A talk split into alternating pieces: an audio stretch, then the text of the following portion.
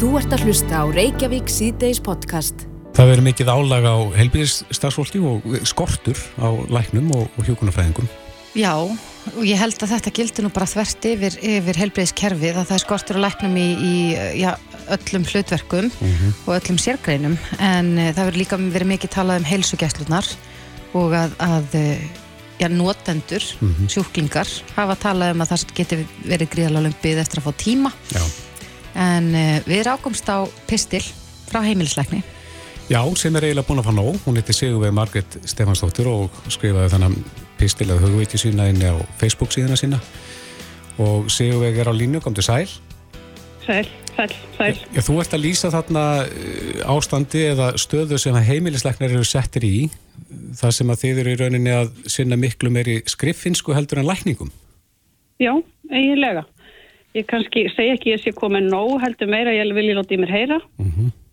Og hérna, og það er bara einfallega þannig að þetta eins og hefur verið að koma fram í fjölmjölum og ekki síst núna í sumar að, að það eru fæstir heimilisleiknar hér með höfðatölu nema kannski í Greikland og Pólandi er svipaslent ástand en, en í löndunum kringum okkur er jafnvel alltaf tvisasunum fleiri heimilisleiknar per 100.000 einstaklinga. Þannig að við erum bara í verulegri kreppu og ef við eigum að geta líka laðað fólk að þessari spjætt og, og, og þá verður margt að breytast. Já, hvað, hvað er það helst? Hvaða önnur verkefni eru það sem að þið já, þurfið að fást við annað en, en að, að taka á móti sjúklingum? Já, það er til dæmis þessi skriffinska sem er komin út yfir allan þjófabólk, ef maður á að segja eins og þess bara. Hún er ákveðin af okkur um öðrum en okkur og, og þetta er búið að vera í nefndum og það er búið að ræða þetta síðan ég var læknir og síðan ég kom til Íslands fyrir 15 árum síðan. en, en þetta er ekkit aðlaðandi starfsumhverfi fyrir einn en einn ef maður situr orðið meira við tölvu heldur en að hitta fólk. Og þegar það er tveggja mánada byð hjá flestum helsugjæslum eftir venjulegum bóðum tímum og ekki ykkur um neyðartímum eða skynditímum. Þannig að það segir sig að eitthvað verður að breytast. En hvaða skriffinska er þetta? Hvað, hvað þurfum við að fylla svona mikið út? Já, svona eins og ég tók dæmi um þarna í þessu sem ég skrifa, þessum pistli, þá segi ég að, náttúrulega við eigum að vera, við eigum að gæta hagsmunum sjúklinga okkar. Við eigum að vera bandamaður sjúklingsins, þannig að okkur ber að gera það sem við erum beðnum að gera í rauninni.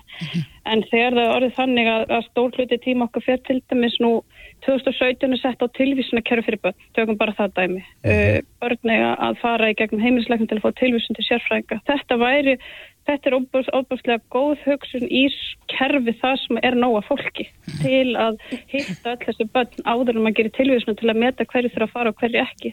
En þegar það er engir tímar ekki þá er þetta bara eitthvað sem rennur í gegn og, og, og, og bara fyrir stundum tölvur tíma deginum bara ég verið að senda tilvísuna fyrir börn sem við náum aldrei að sjá. Uh, ég tók dæmi um, um sjúkraþjálfunabeðnirnar, ég tók dæmi um yðjúþjálfunabeðin og náttúrulega allt sem veit að sjúkratryggingum í raunni, uh, hjálpartækjabeðin og allt sem jafnvel er ekki eins og neitt sem við komum að ákvörðunum. En eigum að votta og sækja um og svo þarf að senda nýtt og gera aftur og aftur jafnvel fyrir eitthvað sem er algjörlega galið að þurfa að efast um að eitthvað þurfa á að halda eins og þess að fara í talþjálun bara Já. Hver eru líkurnar og einhver færi með barnið sitt í talþjálun, tækir sér tíma e, e, en, en barnið þurfti ekki á því að halda. En eh, sko, nú spyr ég sem ekkert veit í þessum málefnum um, væri ekki hægt að fá já, starfsfólk sem er ekki, ekki með læknisfræði mentun á bakinu til þess að aðstofa við þessa skriffinsku? Jú, jú, jú, og það er í rauninni alveg hægt, en spurningin er þarf að vera þessi skriffinska í rauninni, kannski frekar, að því að mannafli er, hver sem hann er eins og þú nefndir í inganginum, hjókunafræðingar eru líka, við erum líka skortur í hjókunafræðingum, þú fær heldur ekki fólk í, í heilbriðsritara eða ritara í störf ef, að- ef að þeir vera drekk hlaðnir af einhverju sem kannski ætti ekki eins og þurfa. Uh, við erum búin að setja okkur upp á móti að gera veikindavottor fyrir fullorðið fólk sem vantaði einn dag í vinnu í síðustu viku. Við erum búin að reyna að tala fyrir því í mörg ár við atvinnulífið að hætta slíkri vottoraskrift. Það hætti bara allir að vinnuveitundur að treysta því að starfsmenn þeirra að vera veikin ekki þeir þurfa að ringja heilsugjastlun og segja ég var veikur í þáttíðjafvel. Mm. Er þetta aukin krafa frá ofnbjörðu stofnunum eins og sjúkratryggingum að er verið að bæta við það sem að þarf að, að uh, fylla út í, í formi beina og slíks greinagerða? Já, já, það, nú var til dæmis eins og ég nefndi þetta með sjúkraþjálunarbeginna, áður var hægt að fara af stað í sjúkraþjálun og sjúkraþjálun gætt meti þar við komum til að vera áfram í meðhandlun hjá mér eða ekki. Og þú þurftur ekki beðni fyrir fyrstu tímana en sjúkratryggingar setja á að það þurfi beðni frá upphafi og það var bara til þess að það jógst álag við beðniskriftir en ekki að það eru til þess að færi færi sjúkraþjálfum. Mm -hmm. En það sjúkraþjálfum er alveg stórkostlegt tæki sem við nýtum mjög mikið. Ég sá það nú í aðtöðasamtakerfinu inn á, á pislunum sem þú skrifaði að, að þar mælir einhver og segir að, að þetta séu 50.000 beðnir í sjúkraþjálfun á hverju ári sem að mestmægnis heimilisleiknar er að skrifa út. Já. Það er gríðalegt magn. Það, er gríðalegt magn. Ég tók að gamni saman, daginn sem ég skrifaði þessa grein, eða skrifaði þetta inn á Facebook hjá mér, að ég, ég var með eftir daginn að þegar ég lappaði út þá verið mér 20 tilvísunar og beðnir sem ég átti eftir sem ég hafði ekki náða að gera við daginn. Mm -hmm. Og það þýðir bara eins og, eins og mikil vottur að gera, hún gerist utan vinnutíma. Akkurat. Ef að þessu erum við kipt í liðin, Já. myndi tími eftir hérna, viðtali við heimilisleikni mynd að stýttast? Ég sko, ég er alveg vissum að það myndi hjálpa mikið til, já. Ég er alveg vissum að allt sem hægt er að gera til þess að gera starfsumkvöru okkar meira aðlægandi og gera heilsugjastluna þar með aðgengilegri og allt þetta sem hún á að vera. Eh, Heilsugjastlan á að vera fyrsti viðkomustadur, hún á að vera aðgengileg öllum og hún á að vera heilstæð og fjölskyldumið og, og þá að vera samfella í þjónustunum, maður á að þekkja heimilisleiknum sinn en, en, en e, ef, ef að það bæ, er alltaf, við erum alltaf hlaðið á okkur verkefnum þegar í, í kerfi sem er nú þegar orðið virkilega alvarlega undirmannað mm -hmm. það er alltaf að segja þessi sjálft að, að þá bæði verður ekki aðlæðandi og, og það hérna og það verður alltaf lengri byggð Já, hefur þú fengið mikil viðbröð frá öðrum læknum við þessum skrifum? Já, alveg ótrúlega góð viðbröð. Ég held bara að ég get sagt að ég nú svona kannski lúslesið svolítið uh, kommenta þegar það sem þetta dreifst og ég hef ekki fengið neitt en hann góð viðbröð frá læknum og góð viðbröð frá fólki líka. Ég bjóst alveg alveg sviði að það kæmi eitthvað neikvægt í kringum þetta. Mm -hmm. Já, fólk er dölegt að deila þessu. Þrjú, 312 deilingar og, og um 100 hérna, aðtöðasendir. Já, eitthvað, eitthvað svolítið og ég, eh, og, en ég auðvitað skrifa auðvitað mannamáli líka, ég er ekkert að hefja með honið táan hest, ég er bara, mig, mig langar alveg afskaflega, afskaflega mikið að vinna við það að lækna fólk en ekki að, að, að skrifa tilvísunar á beðinar. Mm -hmm.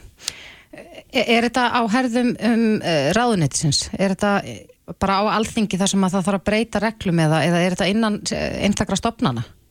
Ég hugsa að þetta sé í rauninu bara þegar þeir eru svona samþægt áttak allra, hvort sem það er sjúkratrygginga þurfa að koma að borðinu, uh, hvort það þurfa að breyta laga um hverfi eða, eða hvort það þurfi að koma atvinnulífið eins og eins í atvinnureikanda vottorð eða, eða skólar, varandi skólavottor eitthvað, það þarf auðvitað marga aðila að þessu. En ég held ef það er eitthvað tíman lag, þá er það núna þegar það er búið að verða svona ábúrslega ábyrjandi fyrir öllum hvað er erfitt ástand. Mm. En hver heldur að hvaðina bakvið þetta sé? Hvað, hvað er að menna að reyna með því að íþingja læknum með þessari skrifinsku? Sko hugmyndafræðina mörguleiti er fengin annar stað frá þar að segja við sem ykkur, staðar, ykkur, ykkur er regluverðir eða gatekeeper eins og þetta kalla út í heimi að, að, að þetta fari í gegnum okkur að þú komist ekki áfram í kerfinu. En, en það segir sér sjálf náttúrulega að þegar þetta rennur í gegnum hendurnar okkur eins og tilvísanir til barnalækna og það er ekkit, við náum ekki að hafa neina yfirsýni við það, þá þjónar þetta einhver hlutur ekki lengur. Nei. Við erum ekki að spara nýtt fyrir kerfið. Akkurat.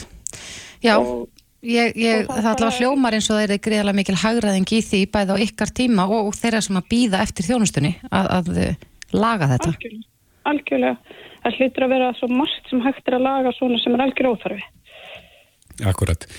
Sigurveig Marget Stefansdóttir, heimilisleiknir á helsugjesslinu höfða. Við skulum vona að, að einhver hlusti og kippi þessi liðin. En kæra þakki fyrir spjallið. Ég það var ekki. Takk fyrir. Bless, bless. Þú ert að hlusta á Reykjavík C-Days podcast. Æja, umræðan um uh, auknar rannsóknar heimildi löguröglu er á fulli núna þessa dagana.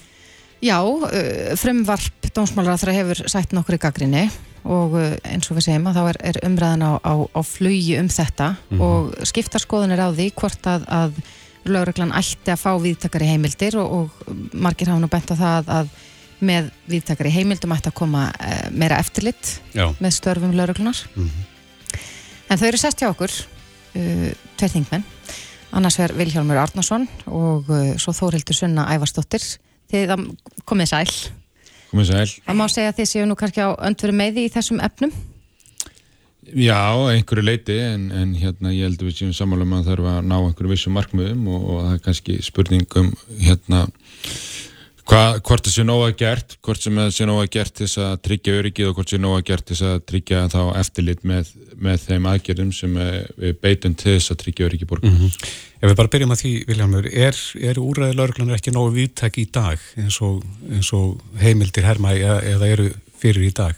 Að mínu vitu þurfum að horfa á þetta tennanhátt að það er sem sagt eftirlit og, og eftirfylgni lauruglu með skiplari brotastarsimi mm -hmm. sem að hérna, hefur vissulega verið að aukast hér og við höfum séð það öllum greiningum ríkislauglustjóra og við sjáum það bara undan daga hefur lauruglan verið að taka mjög stór máli í því og það er svona vissar hérna, heimildir sem að lauruglan hefur bent á að þess að geta tekist betur á við þann málaflokk sem er þurfið sem við heldur þá lengt gæslu var alls og með aðfendingu gagna og þannig ellend samskipti annars líkt, það er annars vegar og svo, ekki, svo þurfum við líka að gera smá skila okkur hinnum þættinum sem er að tryggja öryggi öryggi ríkisins og öryggi borgarana sem er þessi hundrasta grein almenn hegningulega og það, þá erum við að tala um að lauruglan hafi ekki nógu skýrar heimildir en við þurfum líka þá bara að taka það í þessari umræðu að það er ekki beint löggjastlu hlutverk heldur er svona eh, sem er oftast í öðru löndum leinithjónustu hlutverk og vilju fel einhverju sérstaklega deildin og lauruglun að gera það eða vilju hafa það alveg sjálfstakt eftir lit Var það greiningadeilda til dæmis að þá Já, er, þannig höfum við hugsað greiningadeildina og þannig starfar lauruglun hér, greiningadeildin er starfandi innan, innan lauruglunar og hún hefur þá farið með það hlutverkins langt og þá nær hér á landi. Og þar eru kannski að tala um þessu auknu afbrótavarnir þar sem að, að, að er ekki þá kannski hérna ja, langt gengið í, í að sé raukstutu grunur um að brotsi framiði vonandi og, og, svona, og þá þarf súdeild kannski að sæta auknu og öðruvísa eftirliti heldur en önnur störf lauruglu og, og þarna er bara tölveri munur á því hvort sem sérst að rannsaka sakamál eða hvort það sérst að fara og tryggja öryggi ríkisins. Og þetta er þessi tvö hlutverk og, og þeim eru svolítið blandað saman í þessari umræðu og hérna, sem er bara eðlilegt að því að svo er náttúrulega skiplega brotastæðin sem, sem tengist inn í þessi örgisgeslu mm -hmm. þannig að eins og staðin þetta að þá er þetta greiningadeildin og við erum að tala þá um þess að auknu afbrotavarni fyrir hand greiningadeildar og þá þurfum við náttúrulega samhlega því að, að segja að slíkar heimildir þurfa þá eitthvað sértakt eftirlit sem að, og svo er svo er hérna þar bara efla laurugluna og annað slíkt að takast á í skiplu að brotastarðsemi og það er ein, kannski einhverju heimildir þar sem þarf að breytast sem eru þá hérna einhverju öðrun toga heldur um að tala um fyrir greiningatildina. Mm -hmm. Sunna?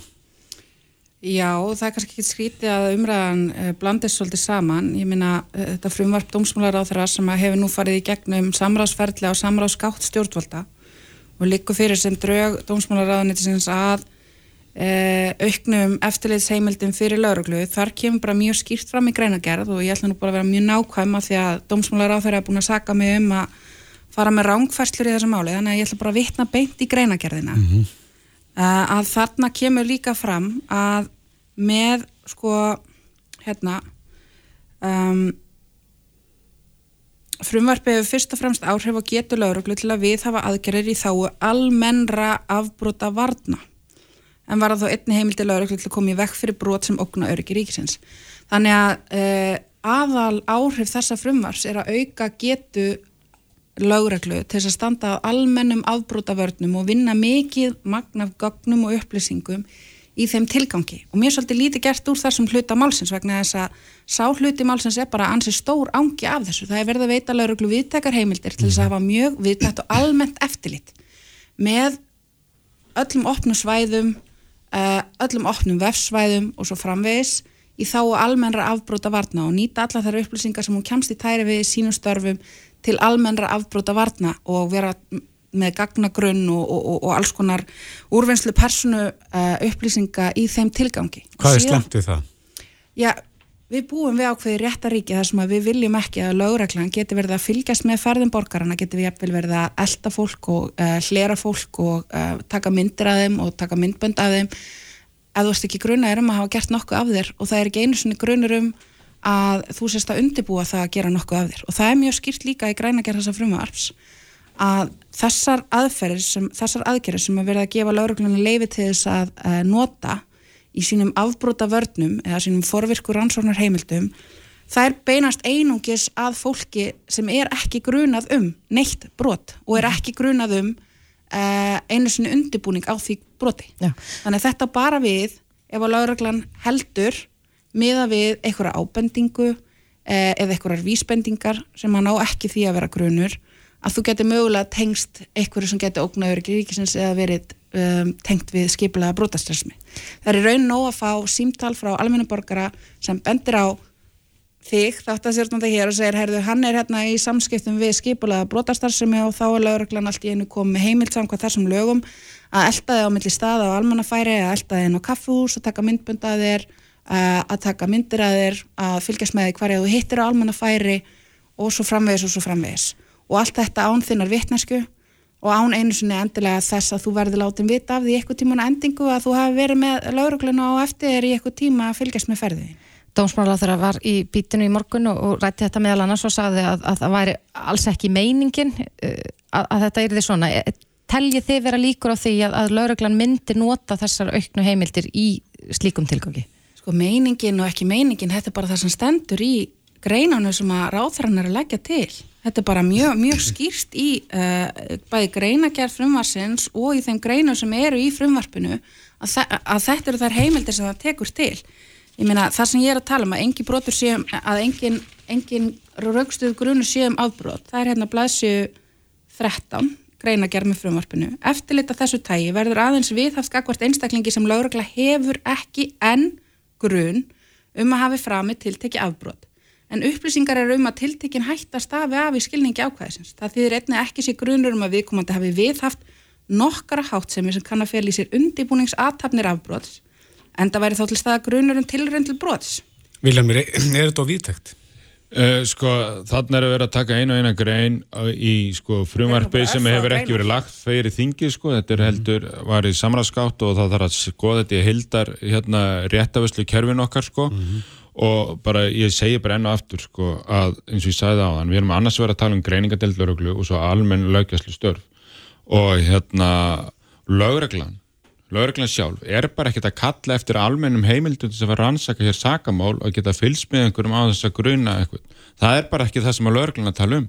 Lörglann að tala um það að greiningadeildar, deildin sín, sem að virka þá svipa á leini þjónustur öðrum nákvæmlega ríkjum, fái svona ekki eins og jafnmiklar en svipaðar heimildur að þau til þess að taka við upplýsingum og starfa með nákvæmlega á sýstur hérna, stofnunum sínum hér á, á Norrlöndunum og, og hérna til þess að tryggja öryggi ríkisins. Er það ekki eðlileg krafa sunnað?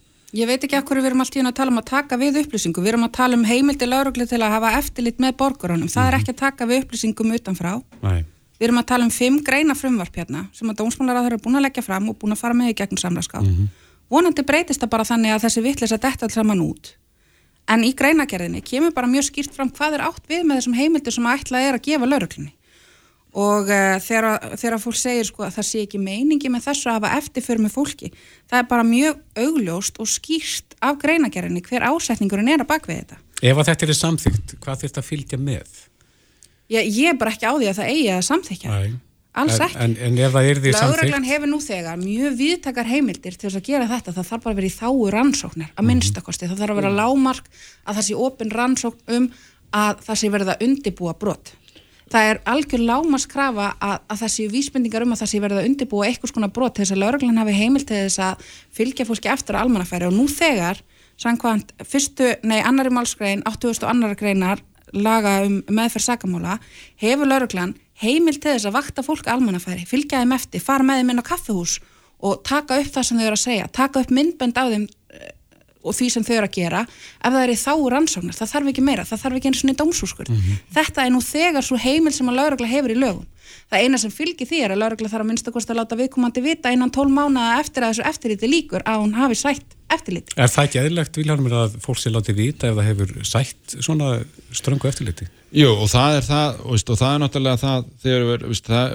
það er sem ég er að reyna að segja hérna við erum að gera greina með einhverjum að tryggja öryggi ríkisins og þegar greiningadeild er að hafa svona, er að fylgjast með einhvern sem er mögulega hættulegur og, veist, og, og er, fá upplýsingar jafnvel ælendis frá eða eitthvað hér úr samfélaginu að geti verið að ógna öryggi ríkisins að þá er gerða svona hættumatskíslur annars líkt um viðkomandi eða viðkomandi hópa sem getur líka verið skipulega glæpastersimi en það er ekki verið að nota það í sagamáli en ef, ef það eru hleranir eða, eða eftirfærir eða myndbæðsupptökur í sagamáli þá er það horfir það allt öðru sér við og þess vegna er vissir eldveikir hérna á milli og því, það, því er ekki að vera að tala um og blanda þessu öllu saman og tala um eins og við sem að fara að breyta hér réttafisleikjörfinu bara kollvarpaði með því að, að, að hérna gefa auknar heimildi til afbrótavarna sko. Þa, veist, það en, er bara ekki en, það sem við erum að gera. við erum ennþá að tala um hér að þegar þú ert með sagamál og ert að fylgjast með einstaklingi út á raustöndingur unnumbrot að þá á all núvarendi hérna um að þurfa að fara fyrir dómara og þarf að upplýsa og, og, og, og hérna liggja allt saman fyrir. Það er bara ekki alltaf hægt í, í, í greiningar deild um og annað og þess vegna eru þau gögn ekki nótuð í segjakamálaransóknum sko. og þannig er bara munurinn á þessu og því erum við hérna Þannig að ég held að við hefum aðeins að, að, að halda okkur við umræðefni og, og kjarnamál sem ekki fara að taka umræðin hérna lengst og, og tónu og snúa út úr því sem að frumvarpin er að segja, en þetta er ekki orðið frumvarp.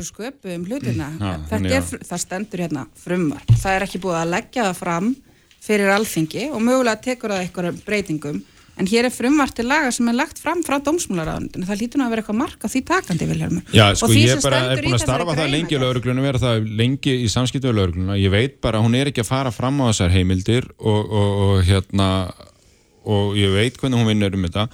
Og þetta er bara spurningi sem að nýraða okkur hjá þinginu. Vilju við láta einhvað, hérna, einhverja stopnun stjórnvalda sjá um að, að hérna, greina og gera áættumat og fylgjast með öryggi ríkisins og tryggja það hvaða heimildir viljum búa viðkomandi. Svo er það bara hitt. Hvað, vil, hvað viljum við vera nálat svo heimildum laugjastlustofnana á Norrlöndum við að takast á við skipulega glæpastar sem og aðrar afbrótavarnir og þetta er bara sikkur hluturinn sem við þurfum að svara í, í þinginu og ég trú ekki öðru heldur en við viljum gera allt þess að tryggja öryggi ríkisins, við viljum komið veg fyrir fótfestu skiplar að glæpastar sem er hérna, en við viljum samt sem áður að friðilegi engalís og borgarlega réttindi séu virt. Og þessi tvö atrið, laugjastli hlutverkið og svo þá skulum bara segja leinu þjónustu hlutverkið, það sé skýrara að þetta þarf að sæta eftirliti og það og auðvitað vilja lauruglumenn eða þeir sem er sinna þá leinu þjónustu hlutverkinu þeir vilja fá þann gæðastimpil sem eftirliti gefur, að þeir séu að vinna vinnuna sína vel og, og heiðarlega.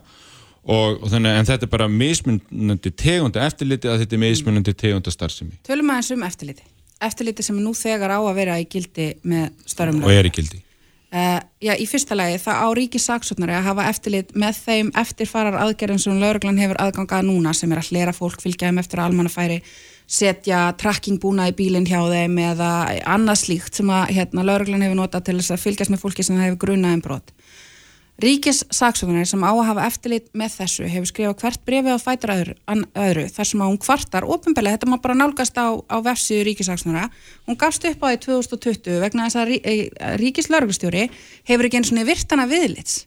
Þetta er ennbætti sem á að vera fylgjast með lauruglu og hún fær engin svör frá lauruglu og hún far ekki viðbröð við lauruglu við þeim breytingu sem maður þarf að gera og hugbúnaði hjá lauruglu til þess að ríkisaksnunni geti fylst með þeim hlerunum sem að lauruglan stendur að og þeir eftirfyllt sem laurugluna með. Þegar að lauruglan er ekki eins og samvinnifús í því eftirliti sem nú þegar á að hafa með lauruglunni af hverju óskupunum eigum að treysta henni fyrir frekari eftirlitsheimildum gagvart borgarunum í alverðinni. Síðan nefndum eftirlit með störfu lauruglu hún er í fyrsta lagi mjög veikburða fjár, fjárhagslega síðan, það sést til dæmis bara því að hún er ekki búin að gefa út árskýrslu síðan 2019 það eru þrýr starfsmennana, hún hefur ekkert eiginlegt rannsóknarvald, hún hefur ekki ákjæruvald í löndunum sem við berum okkur sama við Danmörku, í Nóri, það eru sjálfstæðir eftirlitstofnarnir með störum lauruglu sem hafa sjálfstætt rannsóknarvald og sjálfstætt ákjæruvald gagvart lauruglu Þetta er ekki til staðar hér á Íslandi. Rétt aðeins rútið því að við erum bara að tíma þarf að bæta úr þessu, Viljamur. Já, sko, og þetta er, veist, þarna nú er að dramatisera miklu meira heldur er. Það sem er, það er tvent í varandi eftirlitið, að það er það að saksóknarnir eru sjálfstæðir og mikið að saksóknarnir vilja ekki gefa upplýsingar um sína rannsóknir og meðan rannsóknir er opinn. allum, við getum fengið allar upplýsingarlega rannsóknir lokið en opin rannsókn eru ekki að hleypa þriði aðeins inn í. Það er annars vegar prinsipið, hitti það að eins og Sunna sagði, Þórildur Sunna sagði hér rétt á hann, að þá var það tæknibúnaðurinn. Ergo, Ríkisaksónari hefur ekki náð að sinna eftirlituna þegar ekki teknilega þekking og núvarandi búin að lauruglunar þannig að segja, lauruglan þarf að auðvelda okkur aðgengin í sinn tæki. Nei, nei, nei, þannig að, þetta er ekki þannig. Jú, þetta er bara ég veit það fyrir víst að, að hérna, Ríkisaksónari getur komið og skoða öll gögn hjá lauruglunni þegar hún vill af þessu en það þarf að vera einhver teknileg þekking eða teknilegt aðgengi til þess. Og það er ekki eftirlit ef lauruglan á að fara að aðfenda gögnin. Lauruglan fyrir ekki aðfenda gögnin sjálf í eftirliti, það er ekki eftirlit. Sko. þannig að, að þetta er náttúrulega algjörlega, algjör útisnáningur og ég vil benda það að lauruglumenn hafi ítrekkað þurft að stíga til hliðar fyrir launalust leifi og jafnvel fengja þessu dóm og undanfærið vegna brot í starfi. Þannig að vissulega er virt eftirlit hér í gangi og, og, og, hérna, og það er það sem að lauruglumennin hafa alveg kallað eftir að því að, að það er miklu betur að hafa gæðavottunum sínum störfum. En ef, bara bæta þið við, ef að, sko, þið, ef að lauruglan fær viðtækara heimildir, þyrsti þá ekki samlega að vera viðtækara eftirlit? Jú, það er það sem ég er að segja, að það er öðru í þessu eftirlit með leinithjónustunni út af því að, að sem heitir greiningadelt til okkur og hefur ekkert suma heimildur og leinithjónust annars þar, ég er bara að nota þetta að skýra, það er þessu eftirlit út af því að það er þessu heimildur. Svo er annað eftirlit með laugjastlu almennt og, og hérna við höfum verið að bæta það. Það var ekkert svona nefnt hér áður og, og veist og nú eru komið hér að saksónar en þetta er komið lengra. Þá áður fyrir hver lauruglistjóri rannsakta þetta, er alltaf færast í betur og betur skorður og auðvitað þurfum við bara að halda samtalenu áfram hvenar við erum komið með hérna, fullkomið kerfi í því sko. Þið heyrið það að við erum að halda samtalenu áfram um eftirlit með störrum lauruglu en það er komin tími á meira eftirlit með borgurunum. Sko, það sem að ég var að vísa í er að akkurat núna eins og staðan er að þá er allar hleranir lauruglu þær fara í gegnum bara frístandandi tölvu. Og þar eru gögnin geimt og það sem að ríkisakstónu hefur verið að kvarta yfir er að það átti að færa öll gögn um hleranir lauruglu yfir í lökakerfið og ástæðan fyrir því að það skiptir máli er að það er hægt að rekja hverjir hlusta á upptökur sem lauruglan hefur gert og hverjir skoða gögn sem lauruglan er með um mjög viðkvæm persónuleg málefni einstaklingar sem að lauruglan hefur verið að beita sínum rannsóknarheimildum til þess að fylgjast með. Öðruvísi en að færa þetta yfir í lökja getur ríkisækstónar ekki fylst með því að það sé rétt farið með þessi gögn og þessi viðkvæmi gögn og það sé í raun verið að vinna eftir þeim reglum sem gilda sem er til dæmis að það er að eigða upptökum þegar það er ekki lengur þarfaðum og svo framvegis. Hún getur ekki fullvisa sér um að það sé verið að fylgja þessum ferlum þannig að þetta er ekki komið á meðan þetta er ekki komið í lögja. Mm -hmm. Þetta er eitthvað sem að Ríkisaksnarnar er búin að benda á síðan 2018 í brefi, 2019 í brefi, 2020 og hún segir orðrétt, Ríkisaksnarnar verður enn og aftur að lýsa vonbreiðu með að fyrirspurtum hann sé ekki svara. Það er að segja,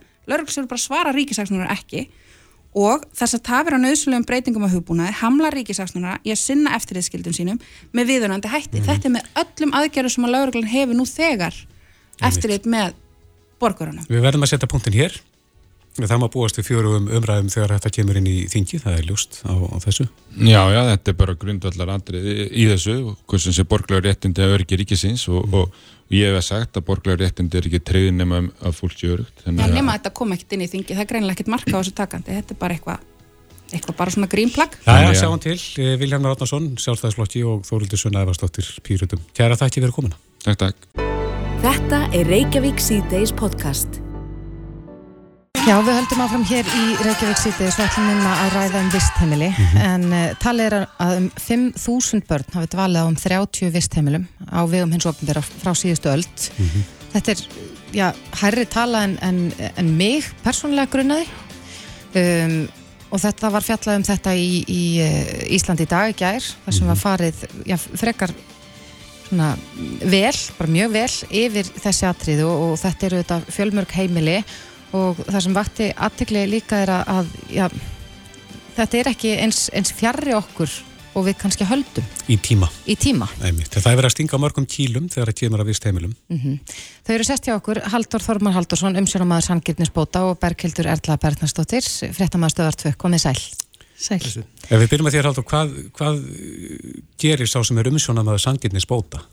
Það var ekki kjölfarið á breyðargöðmálunum sem kom upp 2006, áspennið 2006, þá skipaði Ríkja rannsóknar nefnd um hérna sem átt að kanna stað sem er breyðargörheimnis og fleiri heimila síðar sem heit visteimina nefnd og síðan í kjölfarið var ákveða greiða skadabætur og það er rauninni þannig að sanginnisbætur eru ákveðin hugmynd um greiðslu skafabóta vegna þess að alla vennilega skafabótalegir eru fyrindar mm -hmm. fyrir stjórnst á tíu árum aukveð sem að miklu erfið er að sanna tjóni og það er svona ákveðin krafaði skafabóta að að þess vegna fann þessi leið að, að hérna, hugtækis sanginnisbætur það byggir næst á sanginni og þá skauta fram hjá þessum venjulegu leiðum til greiðslu skafabóta Og þú ert umsjónum að þeirra og ákveðu þá bóta fjárhæðina? Já. Það var það sem ég gert alveg frá því í júli 2010 og þetta eru allmörg heimili sem er búið að fjalla um og þetta er svona mestu lokið allavega. Og Ríkisóður er búin að greiða 3,4-3,5 miljardar bætur. Hvað eru margir eða hérna há fjárhæð í sjónum? Þetta er í sjálfsengi sjóður, þetta er raunin bara á fjárlöfum hverju sinni ah, mm -hmm. og hérna það er svona var oft doldið erfitt að halda áallu vegna þess að við vissum aldrei hversu margir myndu sækjum bætunar hverju sinni þegar var að auglisa eftir bótagröfum frá fólki á tiltegnum heimilum eins og til þess að únleika heimili ríkisens það voru yfir 2000 manns en voru rauninni kannski bara 400 síðan sótu bætunar Akkurat. En, en Bergildur, þú fjallar um þetta í Íslandi í dag í gær og, og hefur þetta verið uh, að fjalla um þessi mál. Mm -hmm. Við mhm. töluðum heilmikið hérna, um hjálteramálið í fyrra og það er nú ekki langt síðan ákveði var að greiða uh, þeim sem að þar dvöldu sangirnisbætur. Er þetta, er þetta meira, umfangs meira en þig grunaði þegar þú fóst í þessa vegferða að, að kynna þér vistheimilin? Já, algjörlega. Í raun og veru þessi tala 5.000 börn, ég held að það sé vanmatt, ég held að það hafi verið fleiri börn vegna þess að það vantar svo mikið upp á skráningar. Og ég sé það bara núna þegar ég er að gera til dæmis uh, byrjið að skoða vöggustofunar, það vantar rosalega mikið skráningar uh, hjá henni ofinbæra sem var þá Reykjavíkuborg varðandi uh, margt sem þar gekk á. Líka það að það voru líka heilmikið af börnum sem er kannski ekki einu svona byrjið að tala um svona ofinbærlega sem að voru á sveitabæjum og það hafa verið einhver þúsundir. Á vegum hins ofinbera já, sko, þá, þá er það með í hlutun hins ofinbera kannski barnavendar yfirvelda eða eitthvað svoleiðs, mm -hmm. það sem börn voru vistuð á, á sveitabæjum. Auðvitað var það er oft til fyrirmyndar en, en það var líka ímislegt sem gekk á þar í sveitum landsins, þannig að það er úrslega stór hluti barna á, á síðustu öld sem að í raun og veru með einum eða hætt öðrum hætti hérna varð fyrir einhvers konar áhrifum af vistheimilum. Kannski var þetta sískinni frændur, frængur og svo framvegis. Þannig að þetta er alveg svakalega stórt og mikið mál og ég held að, að það sé mjög mikið vægt að við uh, förum yfir þessa sögu og segjum hana markvist mm -hmm.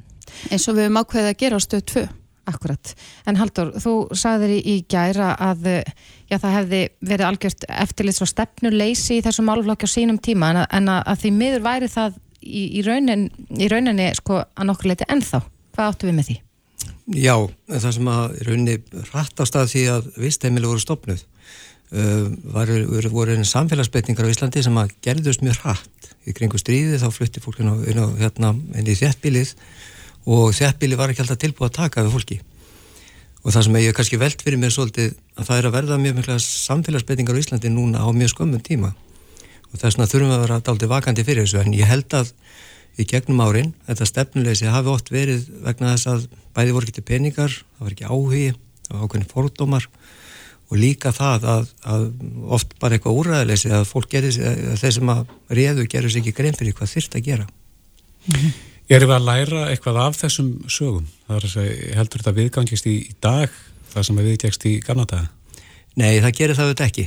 Um, samfélagið er miklu opnar og náttúrulega með tilgóðin netins þá náttúrulega er miklu erfiðar að halda hlutun leindum og samfélagið er miklu meira tilbúið að hlusta. Um, auðvitað tók samfélagið mjög mörg ára að byrja að hlusta vegna það er ekki fyrir 2006 sem að er rauninni byrjað að fellum þessi mál á fullum þunga en, en eldstu vistheiminu störfuðu frá 1925 og mörg frá 1940 og 45 og hafði stundu verið rætt um þau en samfélagi hlust aldrei. Mm -hmm. til dæmis get ég nefnt að á sínum tíma var uh, heimili sem hitt stúknað heimili Bjarg og starfa á Seldjarnari sem tvekkjar á skeið. Og um, konu sem hefur verið þar þar komið fram fyrir allmörgum árum og greindu frá því sem að þar hefði gerst. En það var engin áhuga að hlusta á það.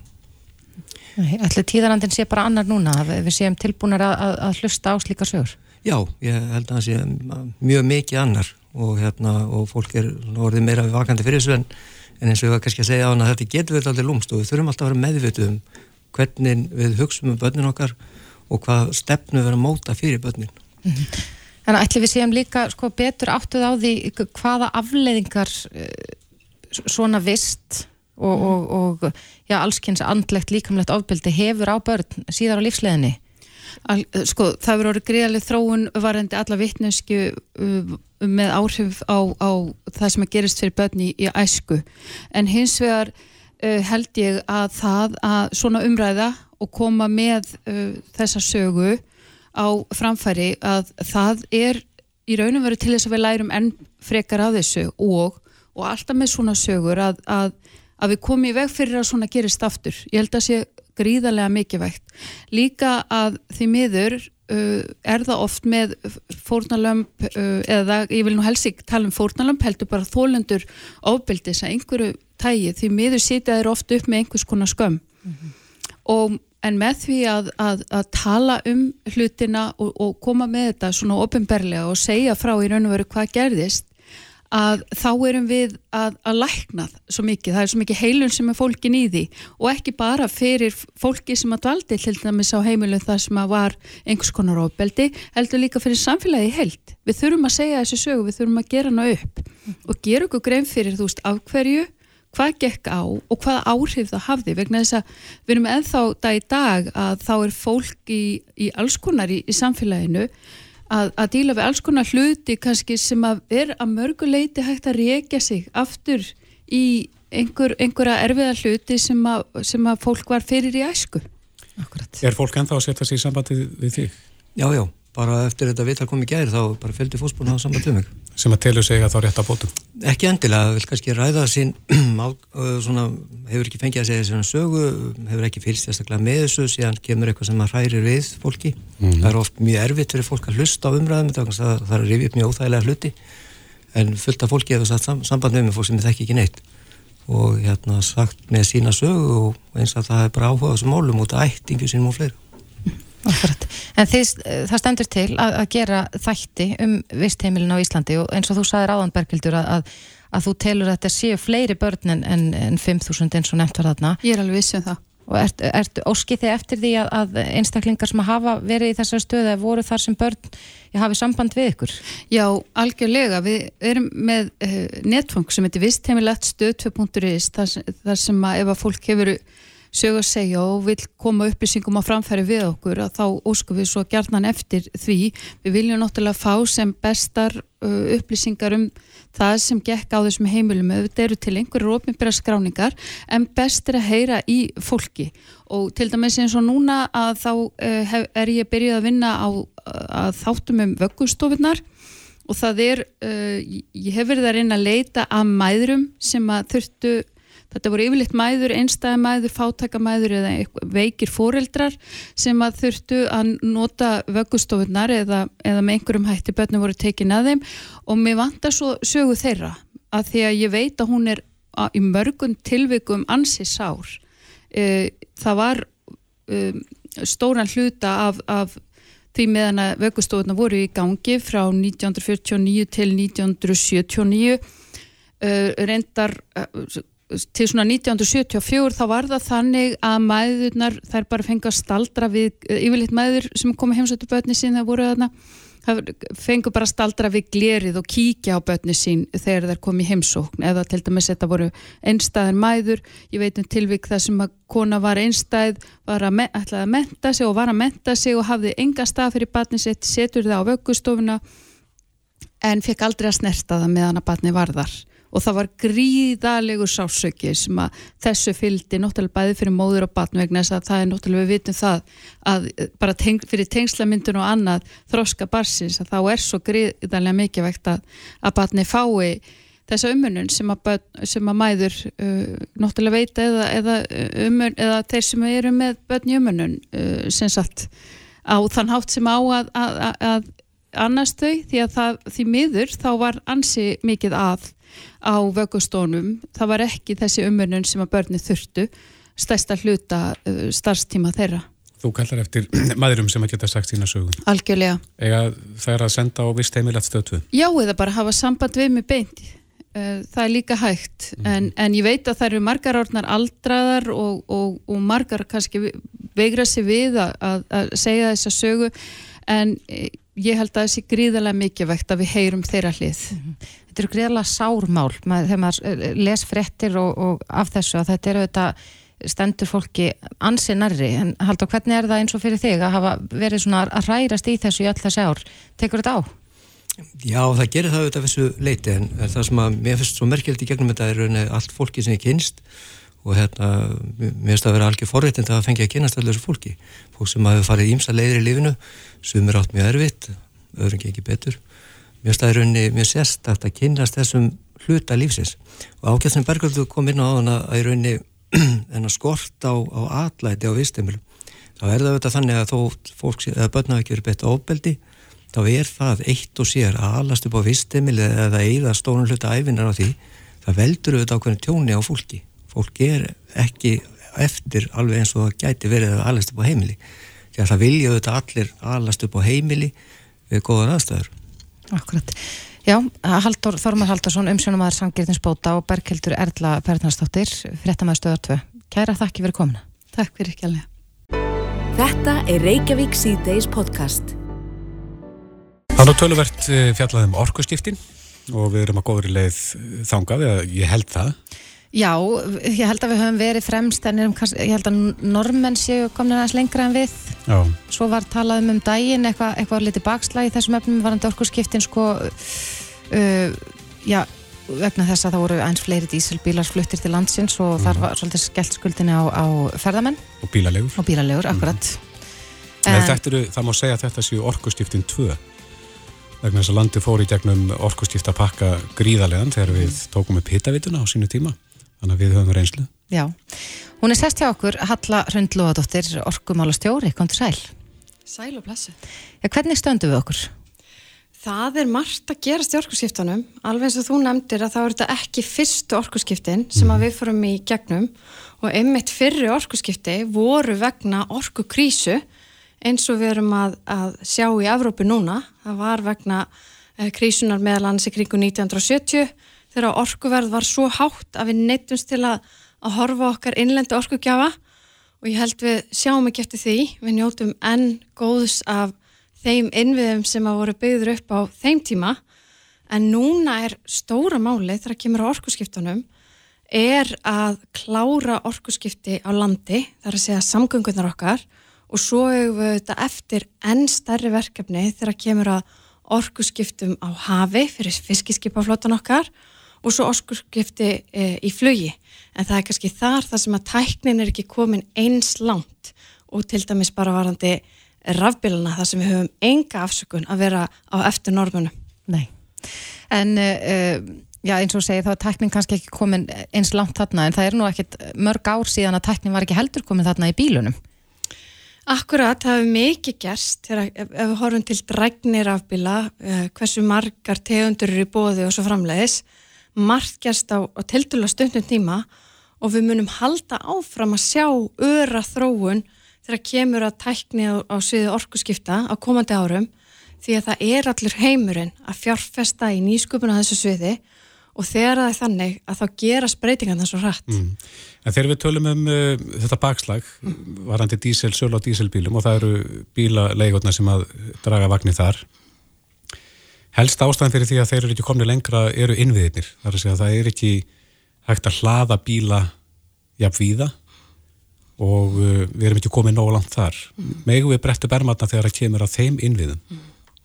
hlæðslustöðarna sjálfur Ég, það er stórt tækifæri framöndan þegar kemur að orkuskiptum sem að tengja spíllögunum því að alveg eins og þú segir að þá eru það svo mikilvægar vegna þess að þær eru svo stór hluti nýskráninga. Mhm. Það er bara helmingurinn af þeim bílum sem að kemur inn til landsins, það eru bílögubílar, þannig að ef að þeir eru bara hefðbunir bílar eh, að þá er líftími þessara faratækja svo rosalega langur eins og við þekkjum margir gamleir bílar hérna á, á göttunum í hárvötu gluggan um, og, og það senkar í sjálfu sér orkuskiptunum. Og bara við horfum á rafbíluna uh, sem hlutfall af hvaða bíllegunar eða sérst hversu stór hlutfall af bílalegu fljótunum til dæmis sem af er ári það voru 5% voru rafbílar þannig að það er Hvernig ekki er það samanborið við, við eh, heimilin? Það er miklu starra þegar það kemur af hinnikökunni uh, þar sem að uh, meirinn helmingurinn eru uh, rafbílar. Þannig að það er eh, ekki það sama. Um, þú spyrðum innviðina og það er alveg rétt að við þurfum að gera betur þegar kemur að innviðunum.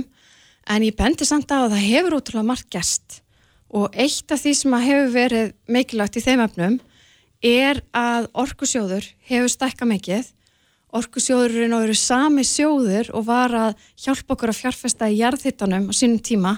Nú er hann komið með nýtt hlutverk og meðal annars að hjálpa okkur að fjárfesta í innviðum eða hlæðslustöðum þannig að hlæðslustöðar hafa markvaldast uh, á síðustu árum en líka fjöldi bílana þannig að þetta er doldið svona ástand þar sem við þurfum enn eh, meiri innviði til að halda í við þessa þróun og þá eru spennandi hlutur að gera sem að er til dæmis að, að geta í raun og veru hver sem er getur í raun og veru hver sem er seldra orku, bara gegn gjaldi eh, þannig að við munum örgulega sjá miklu fleiri aðila vera að setja upp leðslustöðar og selja raforku sem að mun hraða þessari innviða vekkferð Ef við ætlum að ná þessum takmörkum okkar þá verðum við að halda þessum ívilnunum með ekki þegar kemur að kaupum á rafbílu. Nú talaðum að það falli niður á næsta ári. Það má segja að, að, að ívillanir eða allir kvatar sem að flýta þessari þróun að við uh, tökum upp rafbíla, að við klárum orkuskiptin, sé í raun að vera fjárfesting. Við erum að fjárfesta í orkuskiptunum og ef við náum ekki markmiðanum sem við höfum uh, tekið þátt í alþjóðlega markmiðum, að þá þurfum við að greiða fjárhæðir, þannig að má kannski segja með því að, að uh, standa okkur vel, þá, þá þurfum við ekki að greiða þar fjár, fjárhæðir fyrir utan það stóra tækifæri sem felst í því að Ísland sé leiðandi þessu sviði. Við erum leiðandi í heiminum og það er algjör óþarf að fara að dragast eitthvað aftur úr núna. En, en þetta er mannanaverk, það er ákveðið að- draga úr þessum ívilnunum sem að gera það jafnvel að verkum að færri hafi tök á því að, að eignast rafbíl þó að, að margir myndi aflust vilja það. Þannig að, að uh, þetta er kannski áminning til stjórnvalda að, að halda þessum kvötum áfram til þess að, að við getum náð þessum markmiðum.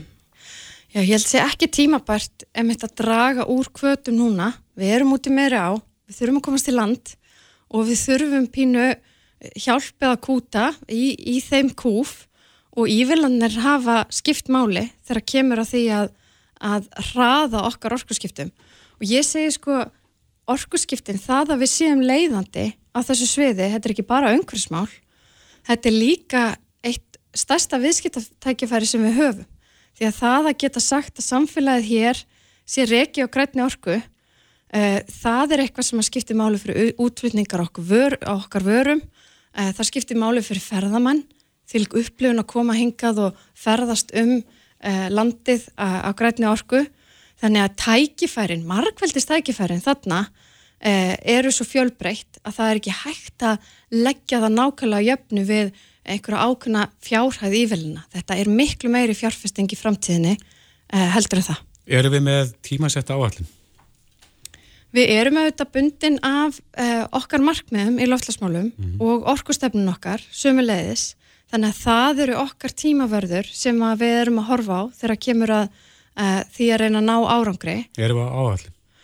Við uh, þurfum að uh, halda vel á spöðunum varðandi það að, að klára orkuskipti á landi það sem að tæknin er fyrir hendi. Erst að segja með öðrum orðum að við erum eftir á þar? Ég myndi segja að það sé stóra tækifærið okkar, af því að ef við horfum á hvað er á það sem heitir bein ábyrð Íslands, það, það er það sem að losun sem er á beinni ábyrð okkar, að þá eru vegarsamgöngunar og uh, fiskiskipin svo stór hluti og uh, þar sem að tæknin er kannski skemur komin í fiskiskipunum, að þá er í raun og veru okkar stóra tækifæri uh, í því að hraða orkuskiptunum. Þannig að við verðum dálítið að, að setja fókusin þar, þar sem að tæknin er, uh, mögulega líka því að við komumst ekki jafn hratt hinnum einn. Þannig að tæknin er fyrir hendi uh, í rafbílunum og aftur, það er engar afsakanir þar. Já, en, en kannski rétt að lokum, Halla, uh, við erum að tala um þetta orkurskipt á landi sem að, að við ættum að kannski standa okkur aðeins betur í, en svo erum við að tala um sjó og flug. E- Eru teikna loft um það hversu, hversu langur tími mun líða þar til að við verðum bara búin að skipta út orkurinn þar? Það er, uh, mun gerast í ákveðum fösum. Uh, við vorum að taka á móti fyrstu rafflugulni sem er svona pínu lítil krútleg og það er í raun og veru ótrúlega að hugsa til þess að við erum að tala um samt sem aður flugvél sem þú bara stingur í samband eins og hárblósara eða símanöðinu og þið hafi kannski heyrt að Æsland er, er búið að vera í samstarfi við sænska aðila ætla að e, færa e, hluta af sínum innanlandsflota mm -hmm. yfir í e, sérst raf flugvilar þannig að við erum að horfa þá þróun mögulega bara að núna á næstu, já, í kringum 2030, eitthvað svo leiðis þegar kemur að orkuskiptum um, uh, á sjó fyrir fiskiskipaflottan þá hef, er orkusjóður nýbúin að styðja við verkefni sem að fel í sér að umbröyta uh, núverandi uh, skipum ákveðin síni dæmi og framleiðslu rafelsneti sem að nýtist sem svona kannski fyrstu skrefin til að íta því úr vör mm -hmm. Og, og en, en, en varðandi þessar uh, þessi starri faratæki að þá þarf svo kallar rafelsneti uh, og meðan að það er tækninni kannski ekki alveg orðin fullkominn að þá eru svona eimsa leiðir eins og íblöndun og annað uh, sem að er kannski næri tíma þannig að mm. það, það er þarna þar sem að, að tímalínnar eru aðeins lengri en aftur uh, alls engin afsökun fyrir okkur að vera ekki með puttan á púlsinum og horfa til þess að vera innleiða nýjungar um leiðaðar eru klárar. Mm -hmm.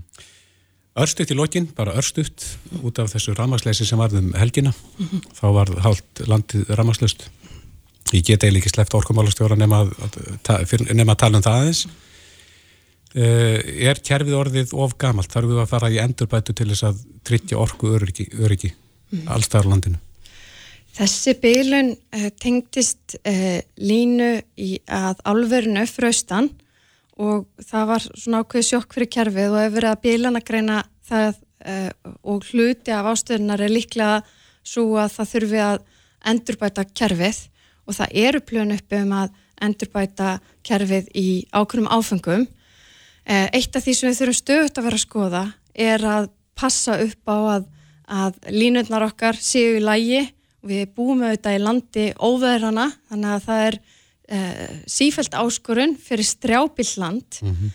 uh, þannig að ég myndi segja að þetta sé uh, verkefnið endalösa þó að við búum við gott afhendiringaröryggi heilt yfir og eitt af kannski því sem við þurfum að horfa á líka er Eh, byggðir þar sem að, að hérna, sérstaklega þarf að huga þessum málum í samhengi við samkeppnishefni þeirra og svo framvegs. Mm -hmm.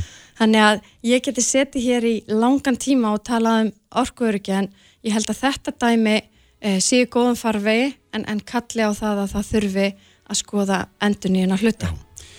Hallarhund Lóðardóttir, orkumálastjóri. Þetta er greinlega góða málum að við á réttileið. Kjæra þætti fyrir kominu. Takk fyrir mig. Reykjavík síðdeis á Bilginni podcast. Já, ég er eitthvað ekki sýtið seldur áfram og ætlum að þess að ferja okkur yfir í fjármálaráðjöf. Já, þetta er, er, er nýjung maður að segja. Mm. Við erum, erum komin með fjármálaráðgjafa hinga til okkar hana Solveig Ergunastóttur hjá Solveig Consulting og við ætlum að leifa ykkur kæra hlustendur að hingja hingaðinn og, mm. og mhm. spyrja hana spurninga ef þið hafið einhverjar. Varandi fjármál. Varandi fjármál. Mm -hmm. Kontur sæl Solveig. Takk fyrir og takk fyrir að bjóða mér. Já, þetta er, það hlýtur að vera algengt að þú fáir slíkar spurningar. Fjármál er nú eitthvað sem að, já, snertir okkur öll. Já, svo sannanlega og ég held að þetta séu heitustu umræðarnar á kaffestofunni eh, og en samt svona viðkvæmustu. Mm -hmm. Þetta er svona það sem að fólk er alltaf til að ræðum en það er enginn til að segja sko sínastöðu, hvort sem hún er í ákvæðin eitthvað. Ef við byrjum bara, við náttúrulega minnum á síman 5, 6, 7, 11, 11, við erum með spurningar fyrir fjármálar ágjáfan En ég byrja hérna á einni spurningu sem okkur bast frá ungri konu sem að ætlar að selja eignina sína núna. Það stefnir á að kaupa sér nýja eign eftir áramót. Mm -hmm. Hvað á hann að gera við peningin í millitíðinni? Já, uh, það náttúrulega fyrir algjörlega eftir aðstæðum og, og hvað mikið eigi fyrir er í eigninni. En uh, svona skattalega þá er alltaf hafkamera allan að kaupa, ef þetta er heimilennar að kaupa eign innan tvekja ára, mm -hmm. uh, þá þarf hann ekki að borga fjármárstekju skatt en ef hún er að stefna því að kaupa eign sagt, á þessu tímabili að þá er ekki mjög skinsalegt að setja um, eigifjöð í sagt, fjárfestingu sem að e, er sveiflu kend eða getur verið sveiflu kend og þá erum við að tala um eins og e, hlutabrif og, og almennt svona áskildabriðmarkaðinum og þá mælum við almennt með að fara inn í fjárfestingu sem að í raun og veru um, er öryggari á þessum stutta skamtíma uh, sjónumið mm -hmm. Já, þú segir að hún verður að kaupa innan 20 ára mm -hmm. skiptir máli hvort eignin er hér á landi eða erlendis? Nei, það, ekki hún er skattalega skráð hér, þá var það ekki að skipta máli en nú er ekki alveg skatta sérfræðingur þannig að það fer aðeins eftir löndum og annað sko, hvernig, hvernig það fer allt fram mm -hmm. og en, líka hvort þetta sé hennar fyrsta eign fyrir ekki. Akkurat. Við minnum á það, símin er opinn og símanúmer er 5671111 en við fengum líka aðra fyrirspurn frá hlustanda sem að já, veltir því fyrir sér sko einstaklingur sem að er með nokkur lán, nokkrar tegundir af lánum og ekki mikið á melli handana. Hvað, hvað á maður að byrja að reyna að, að borga upp slik lán? E, já, það er alltaf best að byrja á sagt, dýrustur lánunum og það er þá þessi skamtíma lán og þau hafa verið að færa svolítið aukana í dag. Það er til dæmis e, alls konar svona núlán, e, það er að ymsa stopnarnir byrjar að lána, þú veist, fjarskiptastofnarnir byrjar að lána, það er byrjað búið upp á greiðslu dreifingar og öll þessi lán eru með rosalega háa vexti. Mm -hmm og þá að e, fólki líði eins og já, veist, þetta er ekki það mikið á mánu með að við íbúðalánið að þá eru þau, þessi lán eru miklu miklu dýrari. Og líka bara fyrir svona, þú veist, eða þeir að fara ykkur endurfjármögnun í svona bankanum að þá er mjög óhagstætt að vera með mikið að skamtíma lánum upp á til dæmis kreditinfo, þá ertu með fleiri vaktanir, þá ertu með mögulega að læra lánsæðismat að þú ert með í raun og veru fleiri skamtíma skuldbindingar yfir tímabilið. Mm -hmm. þannig að hana, ég mæli alltaf með að reyna að losa út þessi, þessi mörgu litlu lán. Akkurat. sem eru með hægstu vextina. Já. Mm -hmm. og þau í dag er alveg bara 20-25% vextir. Er og það er að færast í aukana sér já, svona, það er mín tilfinning að það sé fleiri að taka þessi skamtíma lán og hérna e, og bankarnir eru orðnir sagt, er ekki mjög hlindir því að lána þér sagt, til dæmis yfirdrátt til þess að greiða þessi skamtíma lán en það er til dæla einfalt samt að fá yfirdrátt. Og þeir eru með svona í kringum 12% vexti. Þannig að það, það sé gíkandist hátt í dag að þá er það samt ekkert með þess að 25% Já, þannig að maður þarf að huga að vaksta prósundinu Já, og líka, þú veist yfirdráttavextir, þetta er mjög óvinnsæl umræða og margir hérna, ekki lindir því að ertu með yfirdrátt, ekki fáður yfirdrátt? En hérna, yfirdráttur er sko meðal staða innan mánar, vextinni reiknast með við það. Þannig í raun og veru er það hagstaðasta skamtíma lánið í dag. Er það? Já, já ég myndi segja það. Já, en, en já, nú er oft talað um það að, að, að það sé skinsamt að leggja fyrir að, að vera með einhvers konar spartna og það er einhverja reglur um 10% eða 20% af, af greitum launum eða hvað sem það er. Mm. en ef að fólk skuldar slatta og til dæmis einhvers kamtíma lán, á maður líka verið að leggja fyrir? Um, en mæli... hvort ættum maður frekar ekki að leggja fyrir eða borga niður skuldir? Mér vaksta einhverju í dag klárlega að borga niður skuldir. Mm -hmm. en hérna, það er alltaf gaman að spara líka. Þannig ég mæli alltaf með að hafa svona smá þú veist, fyrir einni dómarnarspítsu 15 skalla mánuði aðeins að lefa sér að leifa sér að spara setja mm. það í forgang að byrja mm. og hérna, það er bara svo holdt líka miklu skemmtilega að sjá ávöxtun heldur en, heldur en mhm. skuldir Solveig, fjármálaráðgjafi situr hjá okkur og er að svara ykkar spurningum ef þið eru með spurningu sem að tengist fjármálum, þá er síma nr. 5671111 Það berast nokkra hérna í gegnum netið til okkar eins nýra því að greiða inn á höfust og lána Er það góð fjárfesting? Já, klárlega, fólk hefur kost á því.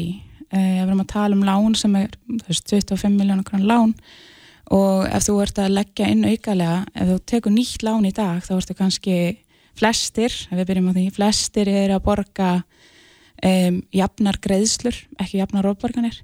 Þannig upphafi lánstímans er það greiða opbáðuslega lítið inn á láni sjálft. Stærsti hluti greiðslana er í vöxtum mm -hmm. þannig um leiðu þú byrjar að greiða inn á höfustólinn að þá er vakstakræslan læri og, hérna, og þú ert strax byrjar að býta á lánið Það skiptir máli hvað sem mikið maður borgar? Já, en það munar, þú veist, að, það telur allt, þetta er alltaf langklöp og við erum ofta að tala um það líka í fjárfæstingum að, að byrja að spara því fyrir sem það byrjar því hana, þú veist, meira, meira ákvæðin, alveg eins og í fjárfæstingum þá erum við að tala um vakstavexti, að þú ert, þú veist, byrja smátt og, hana, og farið svo ávöxtun og ofan á ávöxtun. Og það sama á við í reyn og verið í lánaumkörinu. Mm -hmm. En, en uh, þú starfar sem fjármálaráðgjafi og, og, og hefur starfað lengi innan bankageirans, ekki sett? Jú, mikið rétt, síðan 2007. Já, hverjir eru algengustu spurningarna sem þú færð? Bara svona ef þú ert á förnum vegi og hittir fólk og fólk vill eitthvað svona, já, fá einhverja smá ráðgjöf. Uh, já, ég held að fólk eru almennt ekki mikið að spyrja mér svona förnum vegi, en þetta er, svona, þetta er oft mikið engamál hjá fólki, þannig að þegar það kemur til mín þá er það svona frekar búið að bóka sér fund. En þetta eru svona, þú veist, heitist umræðnar eru oft um sko hana, markaðinn, þú veist á ég að kaupa í Æslandir, hvernig er ölgerðinn uh, og svo er þetta svona í kringum uh, þú veist, verðtrygt, óverðtrygt um, þú veist, blöndu lán og hérna á ég endi fjármagnar núna og fleiri spurningar í þeim dúr? Já, þessi vakstakjöru þetta mikil heitt kartablá og kannski sérstaklega núna þegar að, að umhverfið er furðulegt, mikil verðbólka og vextir fara hækkandi. Ráðlegur fólki hvað það varðar? Til dæmis ef að einstaklingur ætlar að kaupa sér fastegn mm -hmm. hverskins lán eru best Já, um, það fer þú veist, ég veit þetta er ekki það svara ekki spurninginu, en það fer samt alveg eftir uh, stöðu einstaklingsins. Mm -hmm. þess að, þú veist, er, hann, er þetta ungur? Einstaklingur að kaupa sína fyrstu íbúð uh, og stefnar á að vera í, í maks þrjú ár. Þá er kannski, er maður ráðalegjanum frekar að fara í óvertreykt þess að búa til e, verði meiri eignamyndun svo getur þetta líka verið einstaklingur sem er þrátt fyrir að vera ungur og með sömu stöðu að hann bara ráðir hennilega ekki við óvertreyða hlutan og þá, þá er það bara eina í stöðun er að taka vertreykt og, hérna, og þá mælum maður kannski frekar með að greiða stíft inn á lánið til þess að spórna við verðbólgunni mm -hmm. þannig að þetta er hérna, e, það er að, að mörga snúa Já. Já. Já, það er komið hlustand á línuna, það er spurning hvort það sé spurning sem býðin hér. Góðan dag. Já, góðan daginn. Erst þú með spurningu fyrir Solveigu? Já, ég er með spurningu sem að snýra hérna bílaláni. Mm -hmm. Hérna, hvort það sé hagstækt að hérna, að því að bílinn er í rekstri, þetta er atvinna, mín, þannig að hérna, hvort það sé hagstækt að býða fram yfir árumót eða að því maður þarf að taka lán. Ert með bílalán, þarfst að taka nýtt bílalán eða? Nei, bílinn er skuldlaus sem ég á Já. og hann er metin á fjóru og halva, cirka. Okay. En uh, nýr bíl í dag kostar hérna rúmar átta. Og Þú, þú ætlar að setja gamla bílinn upp í? Nei, ekki hjá umbóðinu. Nei, nei, nei. nei, nei. Þú ert alltaf að fjárfesta nýjan bíl? Já, það mm. er bara hérna mottoið hjá fyrirtækinu að vera með nýjastu bíluna. Mm -hmm. Þú veist að spáði hvort sé hagst að kaupa bílinn núna eða eftir áramót? Já, og það er ekki hérna ramagsbíl. Ég ætla að vera ánfram á dísil. Já. Já, þú veist, ég náttúrulega ekki spáð fyrir um vakstaðumkörfið eh, eftir áramót en hérna eh, það er svona langtíma sjónum með er náttúrulega vakstaðumkörfið farið að lækka það er svona okkar von allra og hérna og þessi áform eh, áskil sé að býta í og hérna verðbólgan fara að lækka en það er náttúrulega bara svo margt sem spilar inn í. Eh, svo veit ég náttúrulega líka ekki markast þess að verða á bílum hvort að, hvort að bílinn fara að hækki verði líka. Það er að segja nýji bílinn Já, nýji bílinn, já, mm -hmm. já með við daginn í dag. Já, með við daginn í dag. ég, ég er að með við daginn í dag hvort maður er að býða að því ég er á dísel og ég ætla að vera áfram þar til að kemur meiri reynsla á þetta hérna þetta ramagn og, og þær framtíkutunum mm -hmm. því það er ekki komin næg finnst mér reynsla á hlutina þar.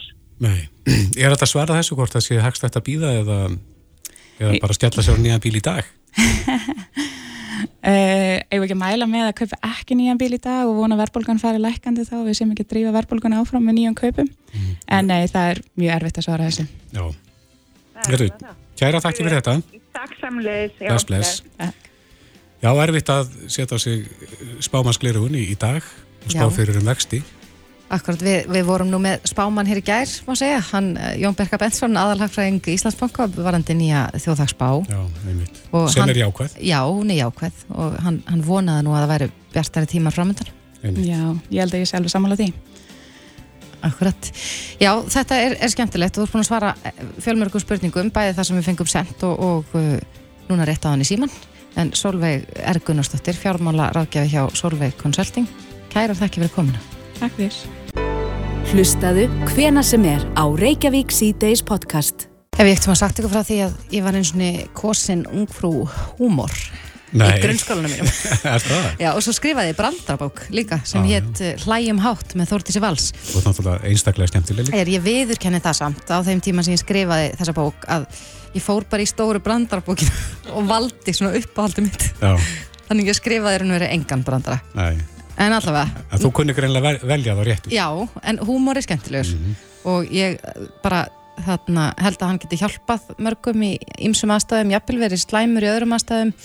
En við rákumst að það hann Þorsteinn Guðmundsson sem hefur lengi skemmt okkur Íslandingum með uppistandi og bara í sjónvarpi og leikhúsi og út um allt hann er að halda fyrirlestra uh, um húmor í samskiptum. Hann er líka mentaður sálfrængur og hann situr hérna hjá okkur, kom til sæl Já, bara gaman að sjá okkur. Ég verð að segja að ég bara fer hjá mér að sitja hérna við liðin á Ungfrú Húmor. Já, ég, ég var ungfrú húmor í Áttabæk Já. ég riggaði ekki þá kostningu Nei, ég var ekki bara- beitt engum hótunum þetta var bara, það gerðist já, frábært. Já. En, en þú ert að kenna fólki að nota húmor í samskiptum. Já, ég er svona einmitt að að benda á uh, kosti húmors og reyndar í þessum fyrirlestri sem ég samti þegar ég var í námi og reyndar þá var ég líka verkefnistjóri í, í Bataskóla Íslands. Þá fór ég svolítið í svona í sögu húmors líka og vegna þess að húmor og við þorfum okkar til húmor sem við breyssum mikið í gegnum mannkinsöguna og þetta var og oft er húmor, til dæmis húmor er mikil smetin í dag hjá okkur. Okkur finnst ekki vænt um fólk sem að eins og ungfrú húmor en, en, en þetta þótti uh, lágkurulegt í galvan daga. Og, og, og þeir Ford Grikki þeir sögðu sko þetta er bara fyrir þræla. Það er bara þrælar sem að nota húmor vegna þess að þetta er svo svífurðilegt Já. og lágkurulegt En er húmor eitthvað tíman óviðegandi í samskiptum? Já, já, já, já alg, algjörlega. Og þetta er þessa fyrsta sem að eineltis rottin í skóla eða á vinnustað segir þegar hann er nappaður, já ég var nú bara grínast þannig að húmor er bara það er svolítið erfitt að, að svona að definera húmor vegna þess að hann er fljótandi, hann er fer eftir bara okkar eigin mati persónlega mati það er ekki tilneitt eitt einhvern einn húmor Eigum við betra með að ná fólki okkar band með því að nota húmóran? Já, ég held að það sé alveg, alveg örugt. Eh, það fer eftir hvernig húmor það er. Eh, konur eru til dæmis miklu betri en kallar í að nota það sem kallar er tengjandi húmor.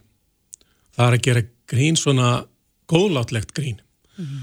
og eh, þ- kallmenn nota meira eh, móðgandi húmor, særandi húmor svona yfir að heila þó þetta er ekki við um einstaklinga að, að þá skiptir máli hvernig húmor það er Svona grín og kostnað annara. já, einmitt og já, En uh, já, þú talaði nú aðeins um forn gríkjaðan en þetta lítur að hafa þróast gríðarlega mikið síðan þá. Þarna var þetta bara já, ekki viðeigandi eða bara þótti alls ekki cool að vera beita húmor en, en mm gerum við það mikið í dag, bara við til dæmis hérna sem samfélag.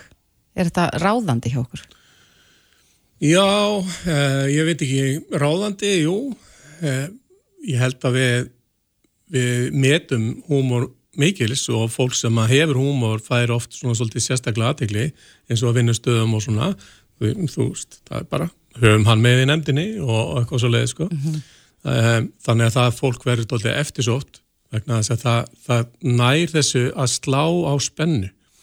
Spennan minkar stressið minkar, kvíðin minkar í samskiptum það sem er svona góðlatlegur húmor. Tala nú ekki um ef að fólk nær að hlæja vegna þess að hlátur er streitulósandi beinlinis þannig að, þannig að hérna, ma- má segja að hann sé, hann sé bara hollur fyrir líkamann. Við fáum súrefni og það fer á stað svona hérna, bóðefnakerfi heila eh, verður virkara og þannig að já, það eru margi kostir við, við húmor. Já.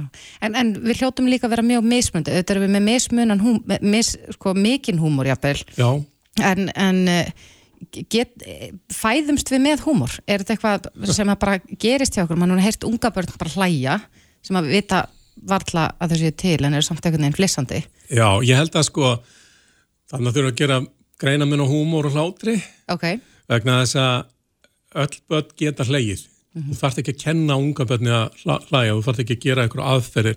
Já, já, að láta þær hlæja, þú veist, það bara, þau myndur hlæja þó að það er ekkert gert fyrir þau. Mhm. Að það er bara eðlisleg svona, já, hvað séð maður, svona, það er í okkar DNA að hlæja. já. Húmor eins og það er kannski svona meira samfélagslegt fyrirbæri.